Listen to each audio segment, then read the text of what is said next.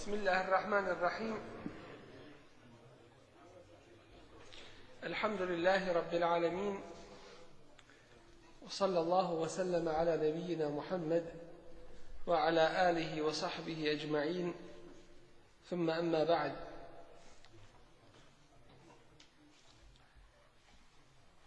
أزيشني الله تبارك وتعالى ukazavši ljudima na pravi put preko svojih vjerovjesnika i poslanika i uputivši među ljudima one koji su dostojni te upute, ukazao je čovječanstvu na put spasa na budućem svijetu i uspjeha na ovome. Taj put je bio kroz sve generacije ljudi vjerovanje uzvišenog Allaha Đelešanu. Prihvatanje, priznavanje prava uzvišenog Allaha Đelešanu, da je on neprikosnoveni gospodar, stvoritelj svega, naj koji svime vlada, kome pripada svaka hvala i zahvala, koji ima najljepša imena i svojstva i onaj kome se jedinome može i smije i mora počivati svaka vrsta i ibadeta. Onaj zbog koga se živi i umiri. A to se postiže svakako čvrstim znanjem koje su donosili Allahovi poslanici, njegovi vjerovjesnici. A to je u stvari slijeđenje tih Allahovih poslanika, slijeđenje onoga čemu su nas naučili kroz vjerovanje i rad po tome vjerovanju, kroz svoje šarijete. Svakako, sa dolaskom posljednjeg Allahovog poslanika Muhammeda sallallahu alaihi ve taj isti princip se ponovo ostvaruje. Vjera kao vjerovanje ostala ista. Od početka i do sudnjega dana. Šarijati ili zakoni koji su objavljivani pojedinim Allahovim poslanicima su se razlikovali od jednog do drugoga onako kako je uzvišeni Allah tabaraka wa ta'ala htio i želio. Danas princip vjerovanja Allaha i njegovog Rasula alaihi salatu wasalam je očitovan u šahadetu La ilaha illa Allah Muhammedur Rasulullah.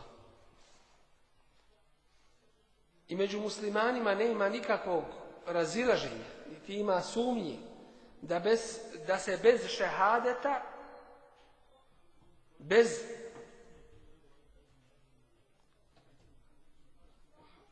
ove srži i temelja islama nema sumnje da se bez toga ne može biti musliman. Ali postoji kod mnogih muslimana još uvijek nejasnoća. A to je, misle i zadovoljavaju se šehadetom na svojim riječima, u govoru. I opravdavaju to da je šehadet u srcu i da se ispoljava na jeziku. I dalje kod mnogih ništa više ne vidimo. Uzvišen je Allah da bi riješio ovo pitanje kroz generacije do sudnjega dana objavljuje jedan vrlo slikovit, vrlo poučan ajet, iako su svi ajeti u Korani Kerimu i mudri i poučni, ali ovaj je od onih temeljnih na kojima se zasniva vjera, koji nije došao da pojasni neko od pitanja, već je došao da uspostavi temelj na kome se grade druga pitanja. I tako je isto tako danas. Mnogi danas kažu da vole islam. Busaju se u prsa i kažu mi smo muslimani. Ali vidimo na dijelima da to baš nije tako. Vidimo među ljudima one koji primjenjuju propise islama koji nastoje da što više saznaju od ove Allahove vjere, a vidimo i one koji nisu takvi, koji svoju vjeru uzimaju iz adeta, a ne iz ibadeta, koji svoju vjeru uzimaju iz tradicije, iz nasljedstva od svojih predaka. A princip je vjere da se ona uzima od uzvišenog Allaha. Ovaj ajat kuranski nam kaže Stavizu billah, kul in kuntum tuhibbuna Allah. Reci Allahov poslaniće. Ako vi volite Allaha, ako je to tako kao što govorite, fettebi'uni, onda mene slijedite. To jeste Allahovog Resula Muhammeda sallallahu alaihi Dakle, ako je to tako kao što kažete da volite Allaha, stavit ćemo vas na ispit. A taj ispit vaš jeste da se pokaže koliko slijedite Allahovog poslanika Muhammeda sallallahu alaihi wa To je taj ispit. A rezultat toga ispita koga uspješno položi jeste da će takvi uzvišeni Allah zavoljeti. yaghfir lekum zunubekum I oprostiti vam vaše grijehe. Ima li šta bolje od toga?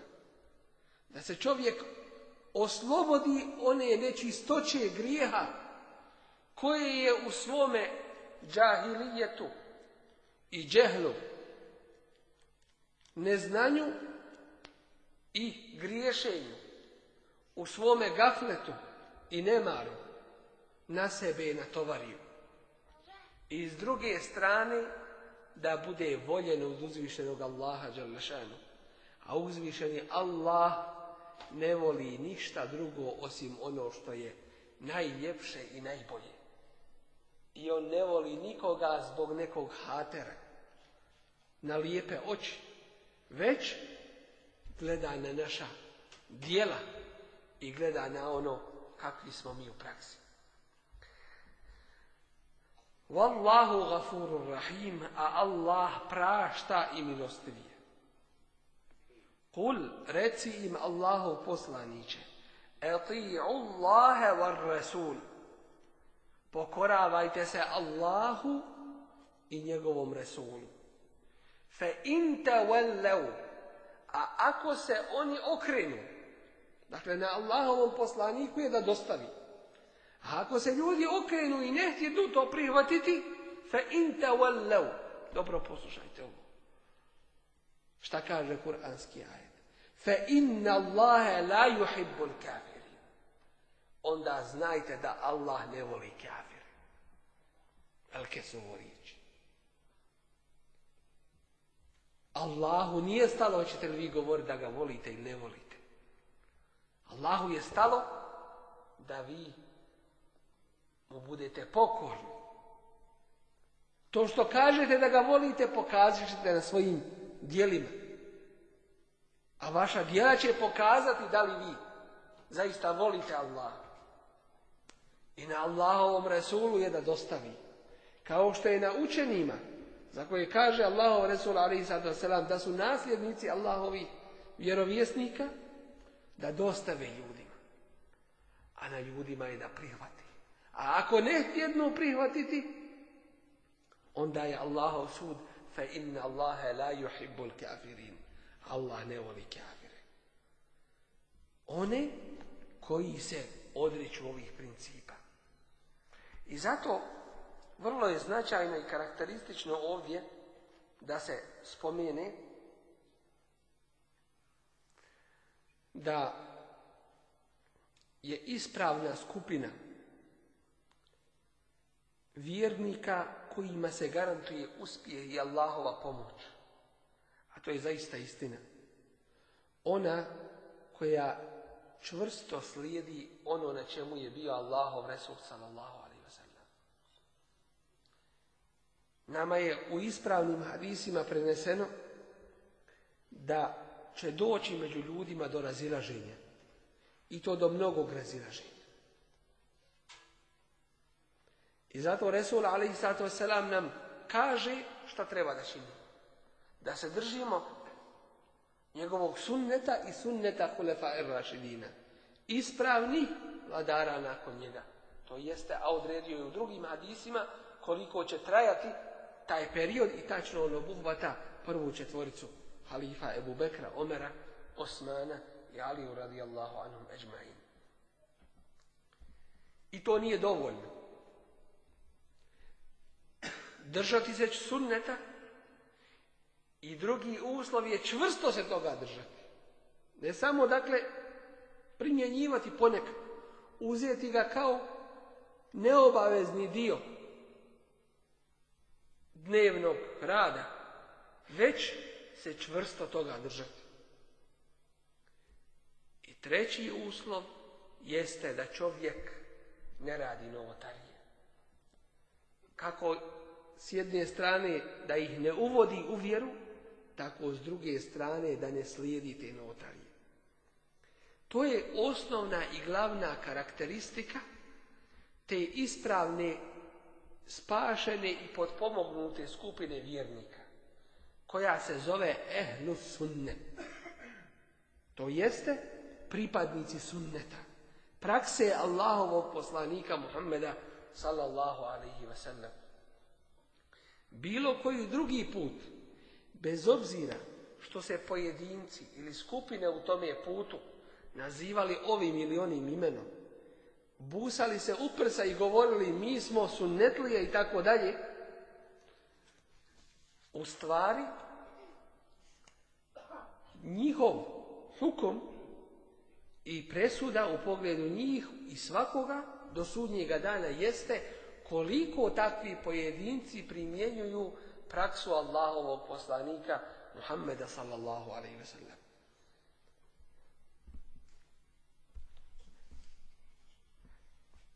Poznati učenjak ehli sunneta Muhammed Nasiruddin al-Albani rahmatullahi alaihi koji je pre, prošle godine preselio na Ahiret kaže opisujući nam sunnet Kaže, on slijedi nakon Kur'ana. I sunnet nam objašnjava značenje Kur'ana. I kako se može u tome slučaju shvatiti da neki ljudi kažu dovoljan nam je Kur'an. A u biti ćemo vidjeti da se oni ni Kur'an ne drže. Jer da se drže Kur'ana, naišli bi na kur'anski ajet ili kuranske ajete koji nam naređuju slijedjenje Allahovog Resula Muhammeda sallallahu alaihi sallam. I to ne u užem smislu, već u najširem smislu. Ne samo slijedjenje Allahovog Resula, ali sad samo uklanjanju sunneta samo, već u principu života. Ako Allahov poslanik, ali je zastupao to u svome životu, a vidjet ćemo sa dokazima svakako da to nije on po svojim zaključcima samostalno, već je to sve objava koja mu se objavlji Kad je Boži poslanik, ali sad se nam nešto činio ili nečega se klonuo, to treba da bude i naš princip u životu. To slijeđenje sunneta, slijeđenje toga puta naziva se menheđ ili pravac kojim se ide u životu. Drugog pravca mimo Allahovog poslanika, ali i salatu wasalam, mimo njegovog slijeđenja, ne ima. I drugačiji pravac zasigurno nije ispravan i onaj ko misli da će uspjet na drugi nekakav način, radilo se to o onima koji misle da treba s nečim novim doći u islam, pa da Allah bude zadovoljan s tim. Ili nešto novo u islamu izmisliti ili slijediti zapadne civilizacije, zapravo nemuslimanske civilizacije, jer je istok i zapad Allaho. Dakle, misle da taj tehnološki napredak prati i vjerski i moralni i svakakav drugi napredak, pa slijede ih. Ili su zavarani time što misle da im ne treba tražiti znanje, da ne treba tražiti ilum, pa misle da se ilum stiče kroz snove, spavanjem i tako dalje, hvatajući se, što se kaže, za slamku, opravdavajući to svoje neznanje riječima, pa i snovi su jedan dio vahja, ali svakako da to nije onaj vahaj kojim se propisuju šarijatski propisi, već je to samo od onih vrsta vahja kojima čovjek može biti obaviješten o nečemu što će mu se desiti. Što po Allahovoj volji i odredbi.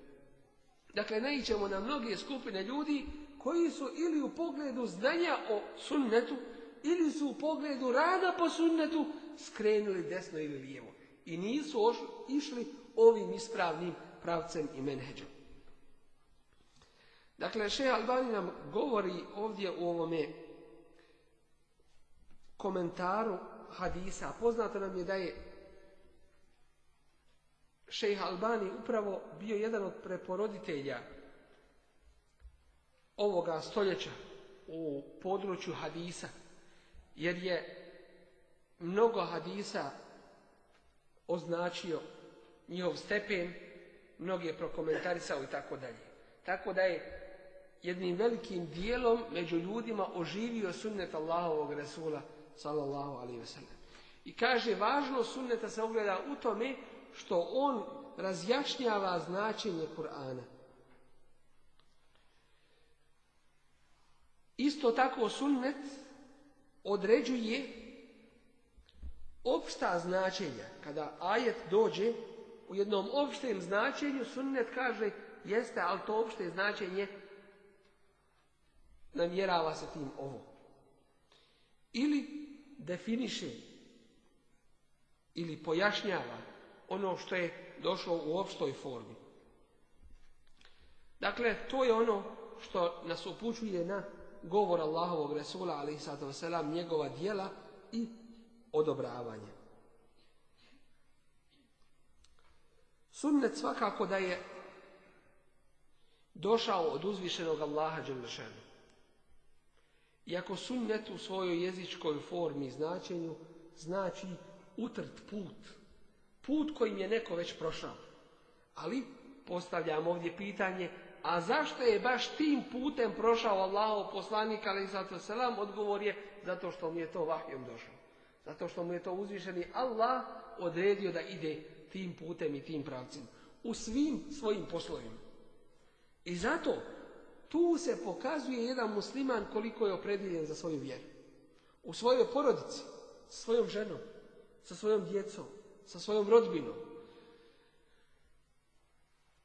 U međusobnom, međuljudskom radu, kupoprodaji, trgovini, iskrenosti, držanju do ugovora, čuvanju časti, bilo čega sa čime je došao ovaj šarijat, zasigurno da u onolikoj mjeri u je primjenjuje praksu Allahovog Resula, ali i zato u tolikoj mjeri na pravome meneđu i pravcu kojim je išao Allahov Resul, ali i salatu wasalam. Uzvišeni Allah nam kaže, heva, on ne govori po svojim strastima, po svojim nahođenjima i hirovima, in huwa illa vahjun juha. Sve je to vahi što mu se objavljuje. Poznato nam je u arapskom jeziku kada dođe negacija, a nakon toga istihna ili izuzimanje, to znači da se to pitanje ograničava samo na spomenuto. Drugim riječima da pojasnimo i olakšamo shvatanje, kad se u kuranskom ajetu kaže to nije ništa drugo osim vahaj koji mu se objavljuje. To znači da Allah poslanik ali selam nije ništa od sebe radio ni govorio. Da je sve to bio vahaj jednim načinom od objava, bilo preko meleka Džibrila, bilo da mu uzvišeni Allah stavi u srce, nefeze fi ru'i, stavio mi i udahnuo u, u moja prsa i u srce, bilo da je to preko istinitih snova koji su isto objava kod Allahovih vjerovjesnika i tako dalje. Ali sve je to objava koja mu se objavljuje. Ili preciznije rečeno i doslovnije prevedeno, to nije ništa drugo osim objava koja mu se objavljuje. Što znači, s druge strane, svetost ove vjere, tako da i Resul, alaihi salatu wasalam, nije ništa govorio po sebi, već je svemu to došlo od uzvišnog Allaha te barake wa ta'ala. Iz ovog ajta jasno možemo zaključiti da sve što Resul Ali Sato Selam naredi ili zabrani, to je Allah naredi i zabranio. Dakle, što se tiče zabrani, naredbi, propisivanja vjeri, tu ne možemo i nemamo pravo pitati je li Kur'an, je li sunnet. Zabrana je zabrana, naredba je naredba. Dakle, propisi vjeri. Mi možemo samo kod sunneta, pazite, kod sunneta rekli smo možemo samo pitati je li ispravno preneseno, je li sahih hadis. Kad saznamo da jeste, ima da radimo. A ne možemo reći pa dobro nije to Kur'an. Jer samim tim optužujemo Allahovog Resula alaihi salatu wasalam da je nešto od sebe govorio zašto nema izun od uzvišenog Allaha. I zato e, naveli smo više primjera, između ostalog primjere Ebu Bekra radijallahu anhu, kada mu mušrici u Mekki, želeći ga u fitne dovesti i iskušenje, kažu, pa tvoj drug govori da je u jednome dijelu noći prebacio se iz Mekke u Kudus. Kaže, vale in A ako je on to rekao, istinu govori. Dakle, postavio je samo jedan uslov. On nije uzeo filozofira, nije uzeo da kaže, pa možda je on to mislio nekako drugačije, možda je to on usnio, ko što današnji govore. Kažu, Mirađ je bio kroz spavanje. Pa zašto bi mu onda mušnici rekli da je to nemoguće? Kad čovjek spava, vidi svašta, svega i svačega, svakakvih čudesa. Što bi mu onda zamjerali na tome govoru? Samo je jedno pitanje Ebu Bekr postavi, samo jedan šart, a to je ako je on to rekao. Jer ne vjeruje mušicima. I to je drugi, drugi jedan princip. Kad vam mušnik, kafir, monafik, pa i griješnik od muslimana dođe sa nekom vješu i to provjerite. Ebu Bekr to kaže. Ako je on to rekao, dakle ne vjeruje mušicima, ali postavljamo kao mogućnost, ako je on to rekao, istinu govori. Dakle, takav treba da je i naš stav prema sunnetu Allahovog Rasula, ali i U sunnetu u opštem smislu, ne u posebnom. Već u slijeđenju praksi Allahovog Rasula, ali i Ako je Rasula ali sada sjedio odvojeno od žena, zašto bi nama to danas bilo teško da primijenimo? Zašto bismo mi danas se toga ustručavali? Što će nam neko prigovoriti? Takav je propis i bujru vi se naučite da tako treba da bude. E, to je jedan menheć, to je jedan, recimo, cjelokupni sistem života kojeg čovjek treba da prihvati. Ono upravo u hadisu što se kaže en je kone Allahu wa rasuluhu e habbe Da ti Allah i njegov Resul ali zato nam budu draži od svega ostalog. To je ta slast imana. To je to. Isto tako vidjet ćemo mnoge propise koji se ne spominju u Kur'anu, a spomenuti su u hadisu Rasula, ali i kao što je pitanje kako se klanja, kako se zekija daje, kako se hađ obavlja i tako dalje. Mnoga ta pitanja su objašnjena hadisom i ako kažemo samo Kur'an, onda će nam to sve ostati nejasno. I upravo hadis dolazi da pojasni Kur'an Kerim. Nasuprot sunnetu svakako da dolazi, kao što smo spomenuli u prije navedenom hadisu, dolazi bidati, novotari i o tome ne bih sad posebno govorio, bilo je riječi na drugim dersovima, ali je bitno da samo spomenem ovdje e, definiciju tih bidata. To je jedan novi uvedeni pravac, nešto da se radi u vjeri, dakle vezano je za vjeru, nije vezan za tehnologiju, za industriju, za tehnološki napredak i tako dalje. Koji liči na šerijat, liči šerijatu. Dakle, propis, vjerski propis. Kojim se želi približiti Allahu Đalešanu. A ne ima svoga temelja, ne ima svoje osnove u Kur'anu i u sunnetu Resula alaihi salatu wasalam, kako opšte, tako ni pozem.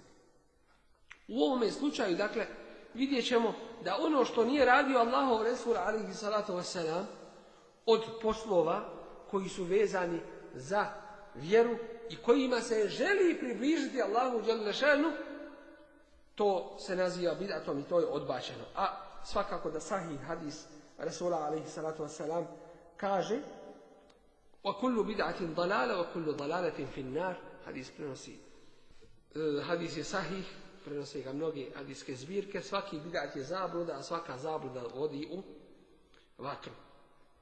Nas ovdje posebno interesuje pitanje ehlu sunneta, ehlu sunneta. Ko su to u stvari ehlu sunne? Mi smo rekli da ima sedam svojstava te spašene zajednice ehlu sunneta. I o njima posebno e, govorimo na dersovima, do sad je obra, sad su tri karakteristična svojstva te skupine spomenuta. Inša Allah nastavit ćemo da završimo s ovim svojstvima drugom prilikom.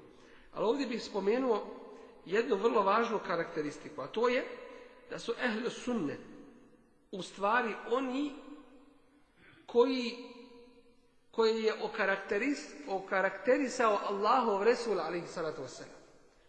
U hadisu u kome kaže hajrul kuruni karni, thumma alladine yalunhum thumma alladine jeluna.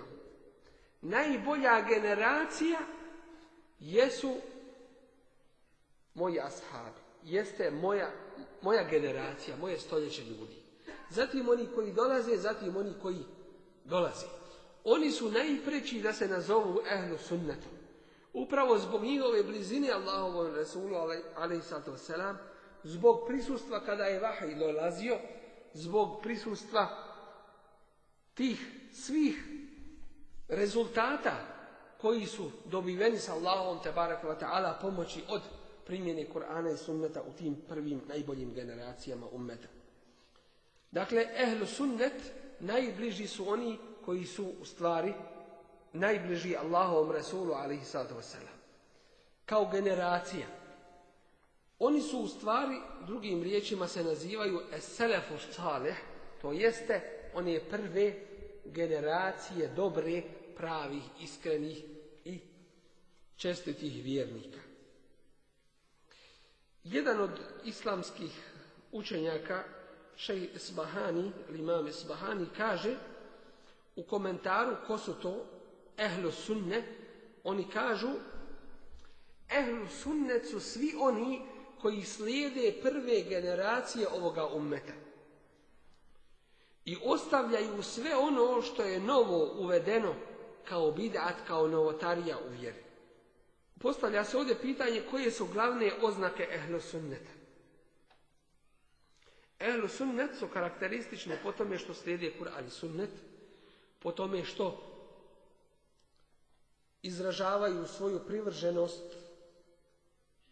Allahovoj vjeri i sljedbenicima ispravnim Allahove vjeri el i odriču se svega onoga što nije po Allahovoj vjeri, što joj je suprotno, a to je el Zatim, ehle sunnet su oni koji slijede put koji je utvrđen ovim šerijatskim izvorima koji je u stvari srednji put. Dakle, niti ostavljaju šta od vjere, niti, niti ubacuju šta u ovu Allahovu tabaraka wa ta'ala vjeru. Od isto tako karakteristika ehle sunneta jeste da se žrtvuju u radu za ovu vjeru. Svojim imecima i svojim životima na Allahovom putu ehlu sunnet imaju istu akidu, isto vjerovanje. Kao što je isto vjerovanje bilo kroz sve generacije ljudi od prvoga do, do posljednjega, kod onih koji su ispravno vjerovali. Istu takvu metodologiju imaju menheđ, to jeste vjerovanje Allaha Đalešanu i slijedjenje njegovog Rasula. Neki postavljaju u pitanje i prije kao što se postavljalo, koje su to u današnjem vremenu najpoznatije karakteristike ehle sunneta. Jedan od e, islamskih učenjaka, imam Kutejbe, e, ibn Sa'id, kaže ako vidiš jednog čovjeka ili ženu da voli Sufjan Etheurija, Malik ibn Enesa, El Euzaija, šobeta, Ibn Mubaraka, Ebul Ahwasa i nabrao je još dosta mnogih E, mnogu islamsku ulemu, kaže znaj da je on jedan od ehlu sunneta. Što znači ehlu sunnet voli islamsku ulemu koja se drži ispravno puta Allahovog Rasula alaihi salatu wasalam. Oni podržaju oni podržavaju ispravni, ispravno znanje i oni su na tome putu. Danas se postavlja pitanje sliježenja Resula alaihi salatu wasalam u fikskim propisima. Da li je moguće čovjeku da slijedi Resula alaihi salatu wasalam izravno?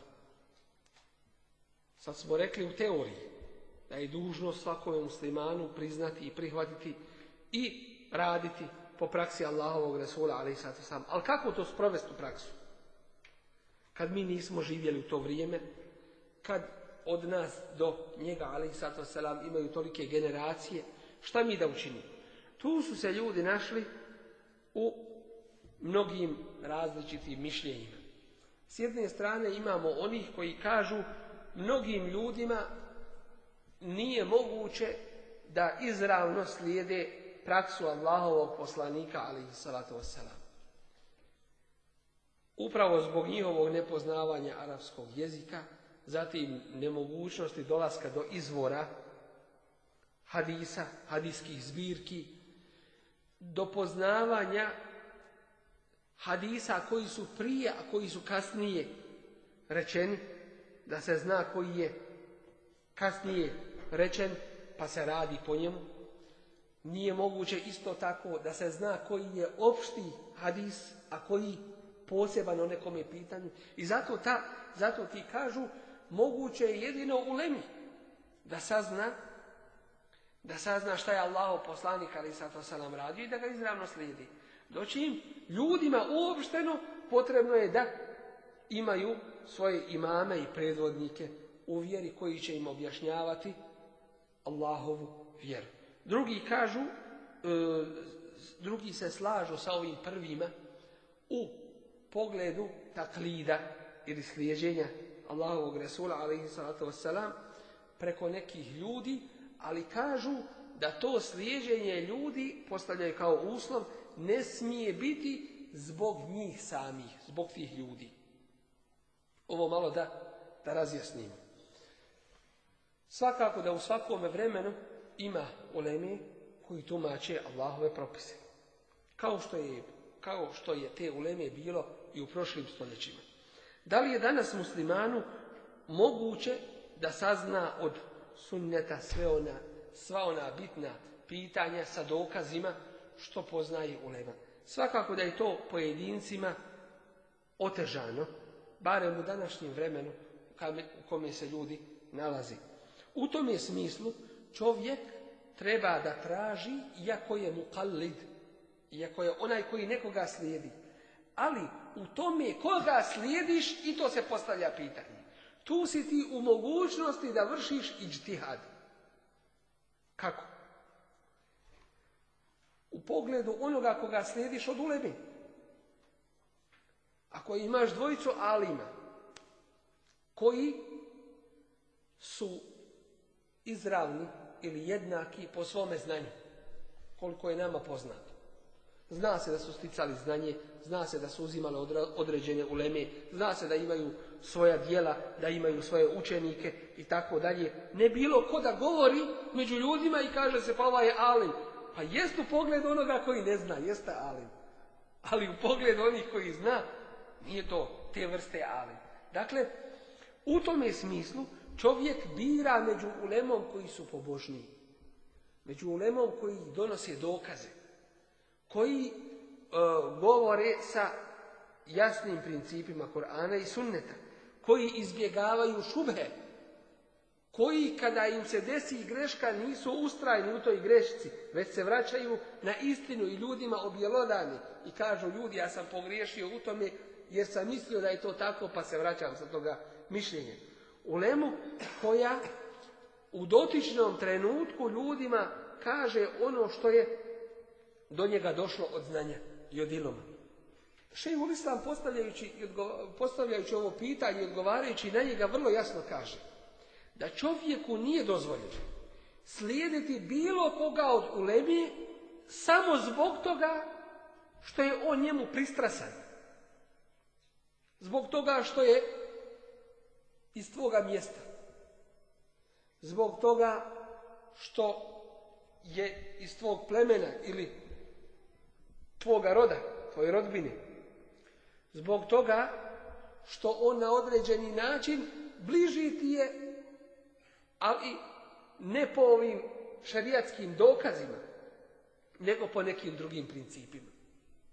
Zbog toga, na primjer, određenog alima koji je bio zatvaran, što je govorio istinu, tako, što je zatvaran, što je bio na iskušenjima i tako dalje ne smije nam samo to biti princip da zbog njega prihvatamo samo od toga alima i ni koga više. Već trebamo uzeti od one uleme kod koje vidimo da ovi prije spomenuti principi su naj, najostvarljiviji. Ilu, udaljavanje od šubhi i sumnjivih stvari, donošenje dokaza i neustručavanje ljudi i nebojanje ljudi i njihovog prijekora da kaže istinu kada i gdje je potrebno da je kaže. Dakle, takve ćemo svakako slijediti. Šeju Lista objašnjavajući ovo pitanje kaže, ako imaš dvojicu alima, pa jednog od njih slijediš zbog nekog drugog principa, zbog nacije, zbog ovoga, iako je on alim, iako on, on govori sa dokazom, ako ga budeš slijedio, tvoje dijelo, i ispravno ti on bude rekao, tvoje dijelo se neće računati kao dobro dijelo. A ako pogriješi on u onome što ti je rekao, ti ćeš imati grije zbog toga što si ga slijedio. Zašto? Zato što si ga slijedio zbog drugih nekih principa. Zato što si bio njemu pristrasan na nekim drugim principima i, i osnovama, a ne na principu dokaza i šerijetskog deliva. Dakle, u ovom slučaju uopšte ljudi, ali Uopšte ljudi, narod uopšteno, ne pojavljuju se kao mučtehidi koji će uzeti ajet, hadis, upoređivat, vadit, biti istraživači i tako dalje, muftije, već u granicama svoje mogućnosti. Što znači, neće reći, vala ja ne znam arapski jezik, ja nisam u mogućnosti to da istražujem, kogod mi šta kaže, ja ću to prihvatiti. Jel mu to opravdanje? Svakako da nije. Kao što se danas često govori, ja ću to poslušat, meni je rekao taj i taj, pa ako je grijeh, neki je njemu navrat grijeh. Mi nismo ti koji dijelimo grijehe ni vabe. Svakako ako je on to namjerno učinio da će imat grijeh za to. I svoj i što te na to navratio. A ti ćeš imati grijeh što nisi u pogledu svoje vjere onoliko koliko si mogao nisi se potrudio. Već ćemo naći jedan trend ili jednu vrstu rada kod ljudi da gledaju ko će im dati lakše petve. Pa neki kažu ja ću vala uzeti tog i toga alima za, za svoga šeha i za onoga od koga primam fetve. Po kom principu? Kaže zato što on najlakše fetve daje. Pa ne smije onda to biti princip. Ako ćeš ti najlakše, ljudi će ti svašta govoriti. Ti ćeš naći takvih čudesa da su ljudi govorili čovjek ne bi vjerovao, ali to su iznimke. I ko bude tražio te iznimke u riječima Uleme što je govorila, taj će postati zindik, otpadnik od vjere. Jer Ulema je govorila u raznim situacijama o kojima mi ne znamo. I ako ćeš vidjeti, ako ćeš uzimati uvijek nužnosti i darurate, onda ćeš uzeti je svinsko meso jer će čovjek reći pa u kjafirskoj sam državi, pa će onda uzeti kamate, reće, pa ja time uzimam od kjafira, pa će onda uzeti kjafirke, ženti i tako dalje, pa će uzeti za muziku, pa će uzeti ovo i sebi će dozvoliti ono što niko od uleme nije rekao. Dakle, ne mogu se slijediti te iznimke i ne može se uzeti po principu lakše petve. nego po principu takvaluka i bogobojaznosti. Dakle, to je jedan vrlo važan princip da se ovdje shvati. Ista je situacija i sa imamima. Dakle, kada govorimo o mezhebima, ova o, fiksti mezhebi, nama je poznato četiri, iako ih ima više, ali ona najraširenija naj, oni najrašireniji bezhebi četiri. Danas se tu od strane nekih postavio problem, onda gdje ga ne ima. U osnovi ovaj ummet, ehlu sunnet, ehlu sunneta, ne razilazi se u akidetskim pitanjima. I oni koji su imali neka lijeva ili nekakva drugačija mišljenja, vratili su se sa njih. Kao što je bio slučaj sa poznatim imamom Ebul Hasanom el Ešarijem, kome se danas mnogi pripisuju i kažu da su Ešarije. Na kraju prošao je kroz tri stupnja vjerovanja i na kraju je došao do pravog vjerovanja ehle sunneta i ljudima to obznanio, odrekao se onog prijašnjeg uvjeđenja i napisao knjige o tome i tako dalje. Dakle, ovaj umet se ne slaže u pitanjima akide. Kako ovaj ummet, tako i svi ummeti prije nas, oni koji su bili na pravome putu. I sljedbenici Isa a.s. i Musa i Ibrahim a.s. i svi Allahovi poslanika. Oni o kojima Kur'an kaže felehum eđruhum inda rabihim, njima pripada nagrada kod njihovog gospodara, wala haufun alihim, wala hum Nema straha za njih i neće oni biti zabrinuti. To se ne odnosi na današnji oni, koji se pripisuju da, da su sljedbenici Isa i Musa i tako dalje. Ne nego oni pravi, oni prvi pravi priješnji. Ista, dakle, situacija u pogledu akide među ovim ummetom i svim narodima prije. Nema razilaženja u akidi i vjerovanju. I onaj ko skreće u akidi, skreće u vjerovanju. I to nema nikakva popuštanja. Imamo drugo pitanje, a to je pitanje šarijeta. U šarijatu dakle vjerozakonu, principima, kako ćeš raditi, jer Allah, bilo je razlika, bilo je razilaženje. Među kim? Među ummetima. Ali nisu oni uzeli pa se podijelili. Nego je Allah jednom poslaniku svoje poslao jedan šarijat, a drugome drugi šarijat. U šarijatu Musa selam za ubijstvo morao je čovjek biti ubijen i nema oprosta. U Isaovom šarijatu je bio oprost, nema ubistva. Dakle, različiti su šerijati bili. U Musaovom, ali i u šerijetu, je bilo kada odjeću nečistoća dohvati, kada se uprlja nečistoćom odjeća, uzme se pa se to odreži. Takav je šerijet njihov bio. Oni to nisu od sebe izmislili. Tako im propisano bilo. Žestog šerijeta. Za njih pravo. Tako je Allah odredio i odlučio. Kasnije dolazi Isa a.s. sa mnogim olakšicama i tako dalje. Dolazi Muhammed a.s. Dužnost je svim ljudima da se pokore, da prihvati. Kako akidu na prvome mjestu u kojoj nema raziraženja, među svim narodima, svima Allahovim vjerovjesnicima, tako i šarijat, koji se donekle razlikuje od šarijata koji su prije objavljeni. U pogledu šarijata, imamo vrlo jasne principe. Onde gdje je haram, haram Onde gdje je halal, halal Ima nejasnih stvari između toga. To Allah Resul ali wasalam zato kaže el halalu bejin wal haramu bejin. Halal je jasan i haram je jasan. Ako se kaže, ako se kaže u hadisu, kao što se kaže da je kamata haram, ne ima te uleme, nema tog koncila, ne ima ti muftija koji mogu doći i odobrit kamate. Ne ima toga, ne ima drugog šarijata. Ako se kaže da je nešto hala, kao što je da čovjek kada je u mogućnosti oženi u isto vrijeme četiri žene, kad bi se sve žene na svijetu ustale i sastale protiv toga, a to ništa ne, pije vode.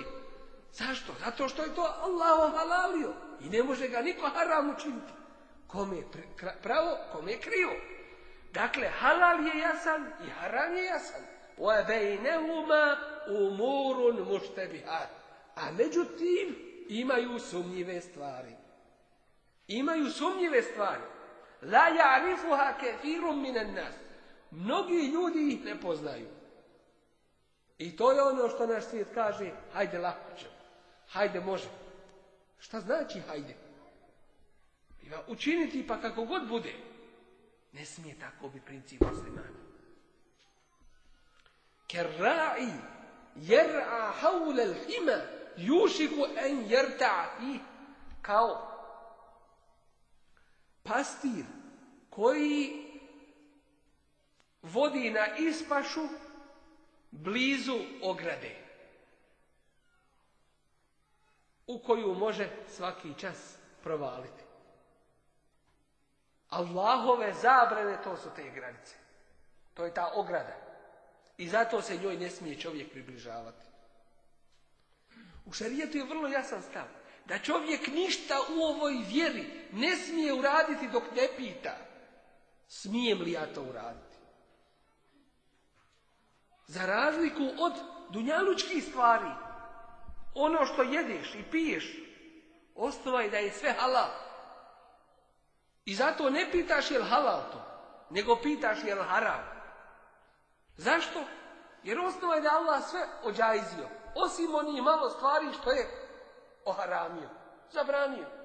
I zato nam nigdje u Kur'anu nećete daći, ni u hadisu. Smiju se jest jabuke, kruške, banane, smokve, ništa to nema. Nego samo kaže, ne smijete to, to i to je završeno. Ne smijete to, to i to piti. Ostalo sve halal. Šta ti je dokaz da je halal? Dokaz da je halal jeste da nije haram. To je u pogledu jela, pića i tako dalje. Ovih dunjavučkih stvari. Ali u pogledu vjere su skroz i suprotno. U vjeri ne smiješ uraditi pa onda li smijem li ja to? Ili je to zabranjeno? To je pogrešan princip. To je suprotstavljanje menheđu i pravcu kojim je bio, na kome je bio Allah poslanik, ali sad i tri prve generacije muslimana. Uvjeri ništa ne smiješ uraditi dok ne pitaš smijem li ja to uraditi. Jer sve novo u jeste novotarija i bidat. Među ulemom je bilo onih koji kažu bolje ti je da pred Allaha uzvišenog dođeš na kijametskom danu sa svim grijesima koje možeš uraditi, osim širka, nego da dođeš sa bidatom. Jer bidatom rušiš vjeru, uvodiš u vjeru ono što nije od vjere. Mijenjaš propise, znaš šta to znači? Znači reći na Allaha da neistinu. Jer ko propisuje vjeru uzvišeni Allaha? I vrlo važan jasan princip jeste kod ehli da fikski propisi, propisi vezani za naš rad u vjeri, principe vjere i propise, i badete tako dalje, da se zasnivaju na dokazima. I šta god kažeš, pazite ovo, vrlo je važan princip, šta god kažeš moraš zato imati dokaz. Moraš imati zato dokaz, uvjeri. I zato ova ulema, sad govorimo o četvorici imama Ebu Hanifi, Šafi, i Maliku i Ahmed ibn Hanbel, rahmatullahi kojim se Allah svima smili. Dakle, oni su od ummeta prihvaćeni kao ko?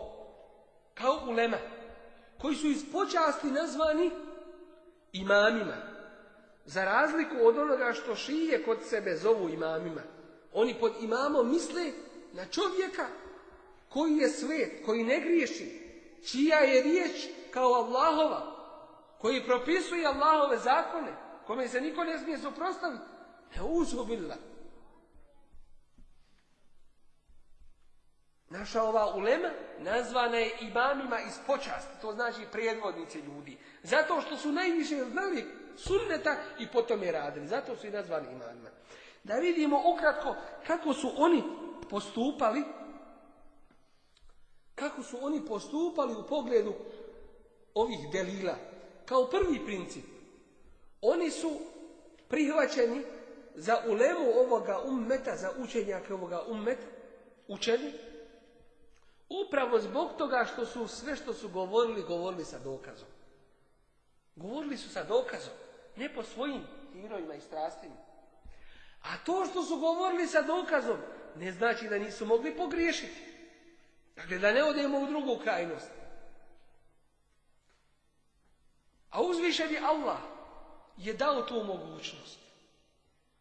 Da čovjek od ulemi ko istraži određeno pitanje, pa ispravno dođe do zaključka kako treba, onako kakav on jeste, u biti, takav ima dva sevaba za svoj trud i zato što je pogodio kako jest.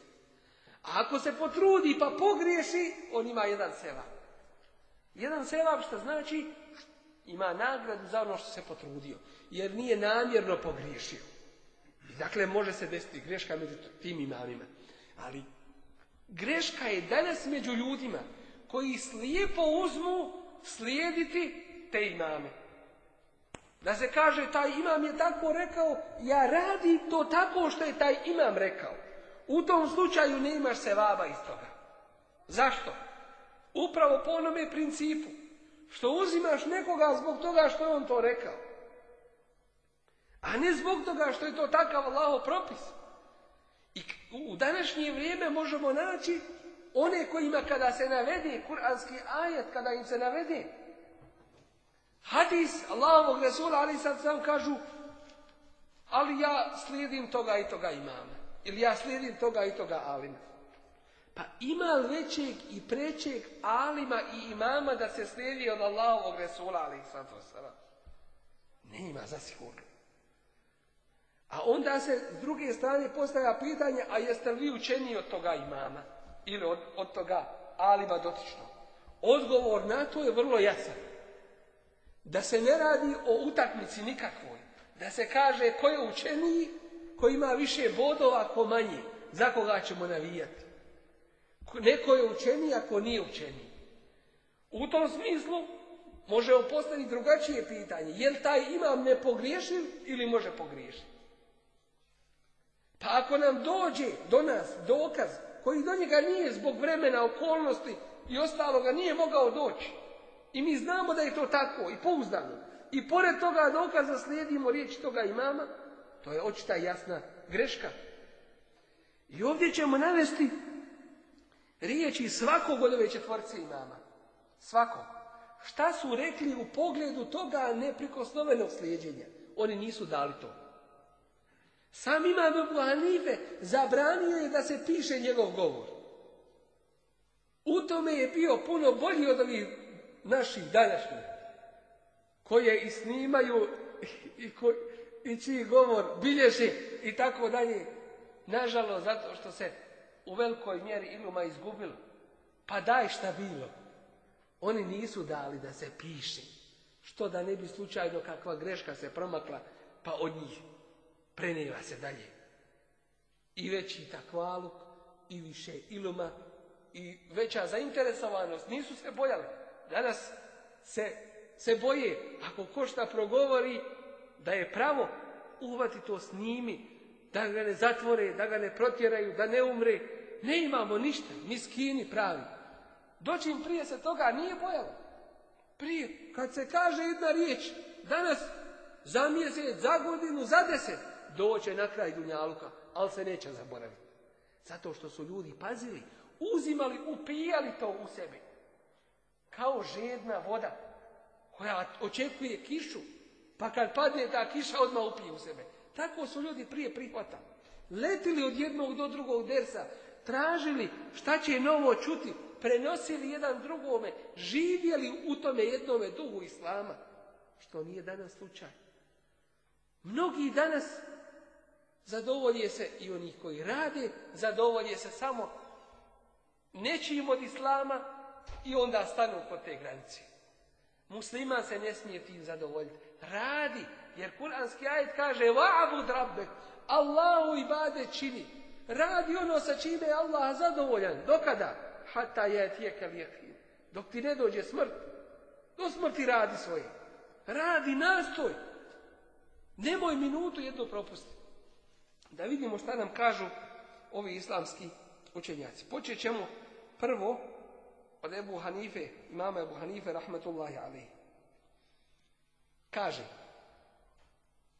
odbacite moj govor ako ja kažem nešto što nije u suglasnosti sa Allahovom knjigom i poslanikovim sallallahu alaihi sallam, hadisom.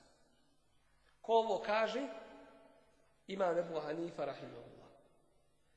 Kaže, odbacite moj govor ako se ne slaže sa Kur'anom i hadisom Božijeg poslanika alihi sallatu Imam i Malik kaže ja sam zaista smrtan. Meni valja umrijeti. Ja nekada ispravno učinim, a nekada pogriješim. I zato dobro razmislite o onome što ja kažem. Ako je u suglasnosti, ako odgovara Kur'anu i sunnetu, to prihvatite. A ako ne odgovara tome, ako se tome suprostavlja, to ostavite. Imam Šafii, rahimahullah, je rekao Ako vidite nešto u onome što sam ja rekao, da se suprostavlja Allahovom vjerovjesniku sallallahu alaihi ve sellem, njegovom sunnetu, tada govorite onako kako je govorio Allahov poslanik alaihi sallatu selam, a ostavite ono što sam ja govorio. I to je sasvim normalno. To je sasvim prirodno bilo kod nas, kod njih, a treba da bude i, i kod nas. Imam Ahmed, rahimahullah, je govorio. Kaže, kako, kako je to čudno da jedan narod koji poznaje lanac prenosilaca hadisa i poznaju vjerodostojnost određenog hadisa, kako je čudno da slijede nekog od uleme drugog. Iako uzvišeni Allah kaže فَلْيَحْذَرِ الَّذِينَ يُخَالِفُونَ عَنْ أَمْرِهِ أَنْ تُصِيبَهُمْ فِتْنَةٌ أَوْ يُصِيبَهُمْ عَذَابٌ أَلِيمٌ Neka se čuvaju oni koji se suprostavljaju vjerovjesniku, njegovoj odredbi, da ih ne bi fitna, kakvo veliko iskušenje ili bolna kazna zadesila. Imam Ahmed upozorava u tome svome vremenu svoje učenike i kaže Čudim se ljudima koji uzimaju, znaju lanac prenosilaca. Znaju da je određeni hadis sahih, vjerodostojnost hadisa, a kažu, kaže Sufjan i ovi. Iako je Sufjan Seuri, znači, velikom islamskom ulemom, ali tomu ne daje garanciju da ne može pogriješiti. Dakle, ne može se ničiji govor pretpostaviti govor Allahovog Resula, ali Kada nam se pokaže da je određeni ali mu nečemu pogriješio, nemamo više opravdanja da ga slijedimo u tome. Jer Imam da su upozorava na ovaj kuranski ajet koji se nalazi na kraju sura i Nur, 63. ajet. Kaže, neka se pripaze oni koji se suprostavljaju Allahovom Rasulu, da ih kakva fitna ne zadesi ili da ih ne zadesi bolna kazna. A fitna često se tumači da je to širk, da je to udaljavanje od Allahovog tebareke wa ta'ala puta. U ovom slučaju često ćemo naići među ljudima na govor da kažu mi nećemo da bude fitna među ljudima. A šta je to fitna? Kažu nećemo da ljudi se podijele. Pa kakva je to podjela među ljudima? Pa kažu različito klanjaju. To je fitna među ljudima.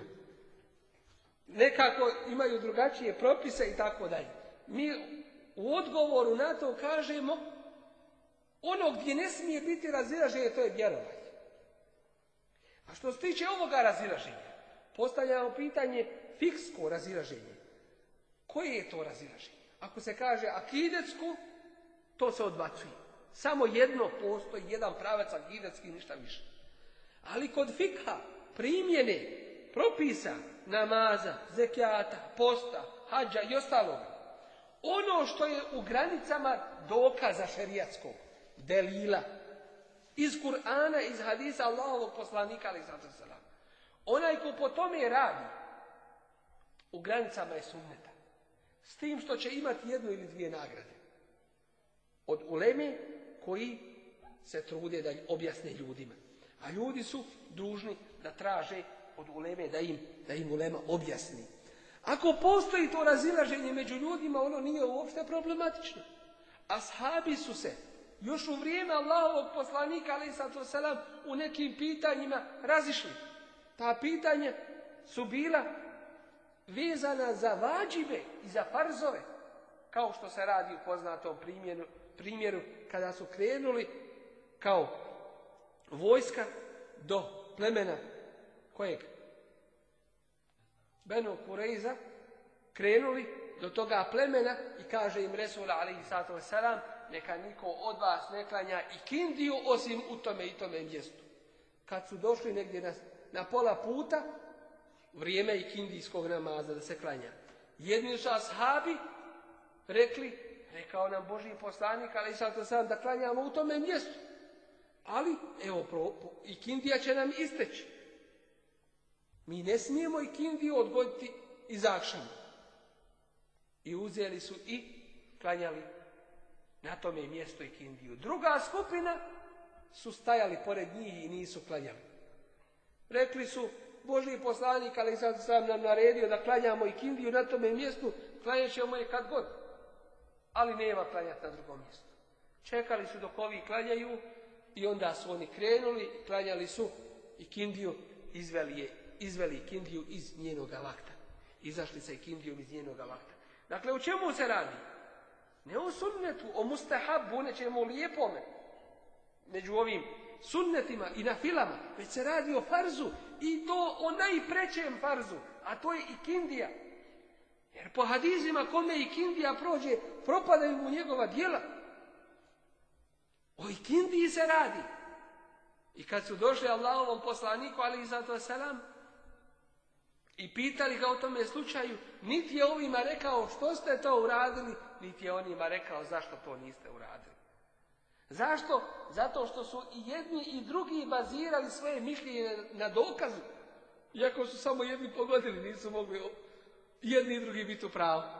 Ali, pošto su jedni i drugi držali se toga principa, a to jeste principa dokaza, u tome slučaju Vidjet ćemo da nije ni jedne ni druge Boži poslanik, ali sad sam pokudio. Dakle, to je taj princip koji je danas u mnogome nestao među muslimanima. Jedan od doktora nauka, nažalost,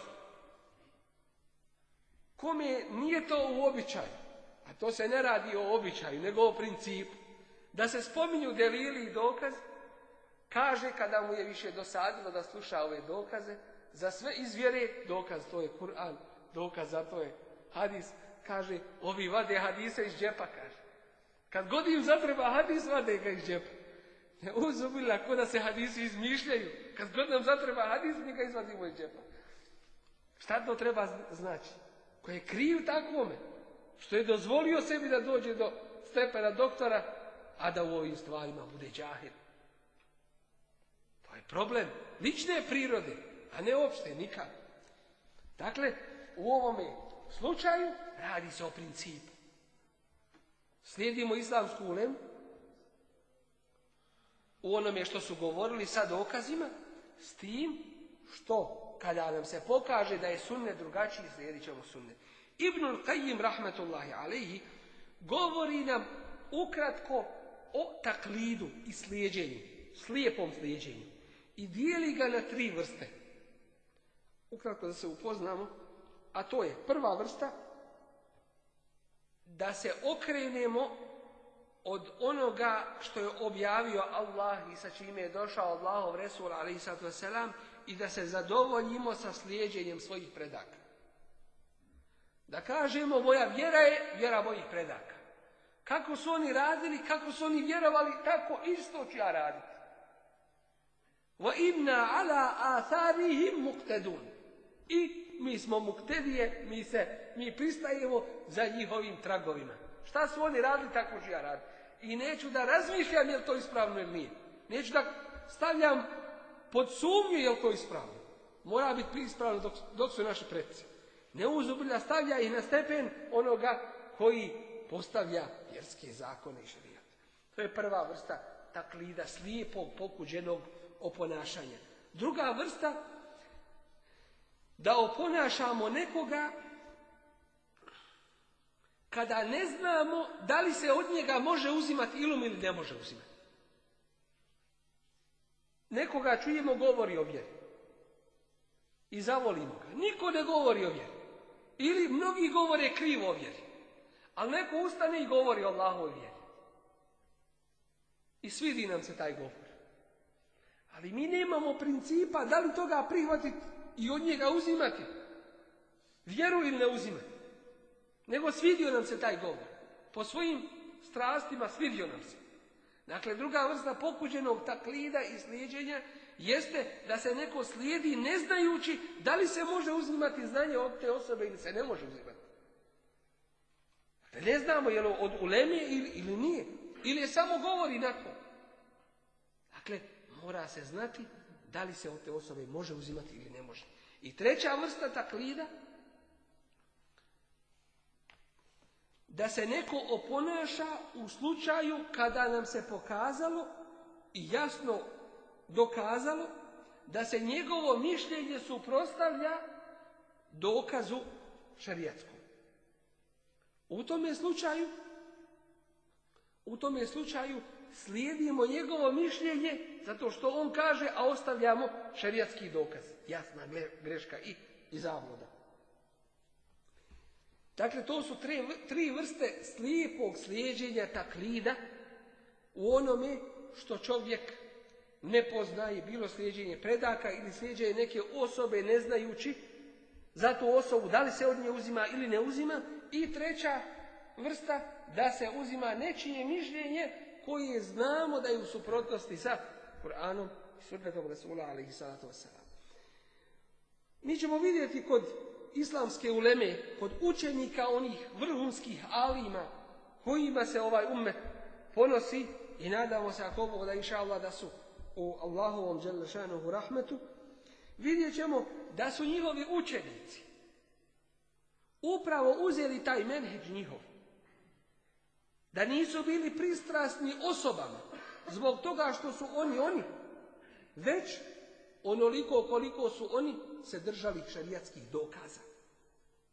I oni nikada nisu ti učenici od svih ovih imama, od ovih alima, nisu nikada slijepo slijedili svoje alime. Između ostalog, dosta ima tih dokaza, ali spomenut ćemo, na primjer, imama je Hanifu. Upravo zbog toga što se mnogi kod nas vežu za njega. Ebu Hanifa, imam Ebu Hanifa, rahmetullahi je čist od njih i od njihovih poslova i rada. Zato što mu se pripisuje zuran obuhtana, neistinito i optužbom da je on to govorio i radio, a on to nema ništa s tim. Bio je u svome vremenu primjerom primjene sunneta. Bio je od onih koji su bili u pogledu onih koji krše sunnet najžešće. Tako da je sprečavao svjedočenje onima koji su javno kršili sunnet. Nije dozvoljavao da budu svjedoci u sudnici.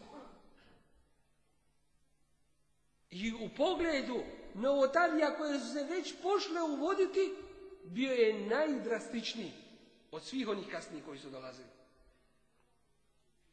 Tako je po njegovom e, fikhu, po fikhu imam je Ebu Hanife, zabilježeno da slučaj muzike vodi kufru. Što vamo od kasnijih imama nisu govorili, već su govorili da je fisk, da je teški grijeh i tako dalje. Ali je on u pogledu toga bio najrigorozniji. Zato što je bio najbliži vamo generacijama ovoga, ovih prvih najboljih generacija ummeta. Ebu Jusuf, Jakub i Ebu Muhammed Ešejbani. To su dvojica njegovih učenika. Suprostavili su mu se u jednoj trećini hanefijskog mezheba. Iako se oni smatraju isto imamima, ali u jednoj trećini hanefijskog mezheba nisu radili po onome po čemu on radio. Kako se može shvatiti? A sad govorimo da se Ebu Hanife držao, imam Ebu Hanife, rahmetullahi, ali da se držao sunneta. Pa to što kažemo da se držao kao princip sunneta, ne znači da nije mogao pogriješiti. U hiljadama i stotinama hiljada petvi koje je davao, nije čudno da se ne može pogriješiti.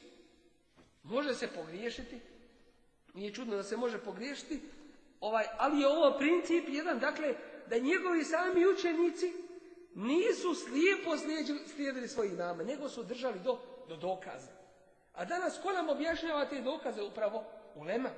I zato među nama treba da je ponos, poštovana braćo i sestre slušaju, treba da je ponos da neko iz svoje kuće ima alima sutra. Da svoje dijete odgoji i pripremi od malih nogu da bude alim koji će biti na Allahovom putu i širiti Allahovu riječ. Možeš li materijalno učestvovati, učestvuj. Možeš li moralno učestvuj. Podrškom, žrtvuj se onako kako možeš. Ako je tebi prošlo, nemoj tvome djetetu da prođe. Ako uspiješ kod djeteta, i ti si uspio. I zato čast treba porodici da bude, da izvede od sebe nekoga ko će biti taj koji će tumačiti ljudima koji će biti od tih koji će tumačiti ljudima Allahu te baraka wa ta'ala vjeru. Ima još jedan primjer, a to je Imam al-Belhi, koji je bio učenik Ebu Muhammeda i rob Ebu Jusufa, koji je dizao ruke e, prije i poslije rukua. Dakle, učenik od, imam, od učenika imama Ebu Dizao je ruke u namazu. Zašto? Zato što dokaz ili taj hadis koji je danas nama u zbirci jednog sakupljen u Buhari, dakle nema sumnje u to, i najispravnija knjiga nakon Allahove tabaraka wa ta'ala knjige, samo čisti sahih hadisi preneseni tu, u Buhari hadis navodi da je Allah poslanik, ali sad sam dizao ruke u namazu. Dakle, nema sumnje u to. Učenik od učenika je mladih al-Belhi, Dizao je ruke u namazu i to ga nije spriječilo što se u tome suprostavlja svojim učiteljima i učitelju svojih učitelja. Zato što je dokaz tek do njega u tome slučaju došao. A da bi se odgovorilo i o pitanju hanefijskog mezheba, zašto su se kasnije pojavljivali hadisi kojih nije bilo u njegovo vrijeme, kako je moguće da imam ne poznaje te hadise, Odgovor na to je zato što je bio u vremenu i u mjestu koje je bilo poznato po izmišljanju hadisa, patvorenju, iskrivljavanju hadisa, izmišljanju na Allahovog Resula i sato I zato imam Abu Hanife postavio stroge i žestoke uslove za primanje hadisa. Možda su neki od ovih hadisa i došli do njega, ali su došli takvim putem i takvim prenosiocima da njegovi uslovi nisu prihvatali da se taj hadis prihvati. Pojavili se zindici, a zindik to je gore nego murted. A murted je gore, nego kave. E sad da to objasnimo se. Deređatu ne inda Sve su to deređe. Nije lako ni kafir biti ne može A ja džahennem zaraditi. Kafir nevjernik. Opšti naziv. Murted koji je bio musliman pa ostavio svoju vjeru. To je murted. U našem jeziku starinskom murtat kaže se, a to je iskrivljeno od riječi murted. I to treba paziti se kad se ta riječ izgovara, da ne bi ušla u praksu neki. Kaže to su murtati. A to je uzeto od arapske riječi murted, što znači onaj koji je ostavio svoju pravu vjeru islam i odšao na kufur. Dakle, ne smije se ta riječ upotrebljavati, riječ murtat. Ne se. I treće, ono najgore, to je zindik, koji je bio musliman, pa ostavio islam, prešao na kufur, i nakon toga radi protiv islama i izmišlja lažina na, islam. Spreman stotine hadisa izmisliti. Spreman napisati knjige i knjige, dijela i dijela muslimansko ime nosi. Klanja. Ali on potajno radi protiv islama. I to su ti zindici najgori. Upravo u to vrijeme su se pojavili na području Iraka. Gdje je bio imam Ebu, Ebu Hanife. I zato je on postavio žestoke uslove za primanje hadisa. I nije prihvatao hadise, a nisu u to njegovo vrijeme bili ni sakupljeni u ove današnje zbirke koje mi imamo. I zbog nemogućnosti dolaska do ispravnih predaja tih hadisa, on je davao fetve onako po onome što je do njega dolazilo od ispravnih hadisa i po svome zaključivanju, reju i mišljenju na osnovu opštih dokaza iz, iz Korana. Dakle, u tom slučaju on ima opravdanje s te strane. Isto tako ćemo naći u drugim mezhebima imam Al-Muzani koji je bio učenik imam Šafije, isto tako je ovaj isto tako je u nekim mišljenjima i fetvama se razlikovao od svoga imama. A i sami imami, kao što je bio na primjer imam Šafije, ima svoj stari i novi mezheb. Stari mezheb kada je bio u Iraku, a novi mezheb kada je došao u Misir. U Misir kada je došao. Dakle, pojasnile su mu se neke stvari, novi hadisi došli do njega ispravni i promijenio ono svoje prvo mišljenje i to za alima i za onoga ko drži do Allahove vjere nije uopšte problem. Da kaže ljudi ja sam pogriješio, Allahova vjera je ovakva, a ono što sam do sad govorio u pogledu toga nije ispravno. Dakle, to je i vađib i emanet jedan da se prenesi.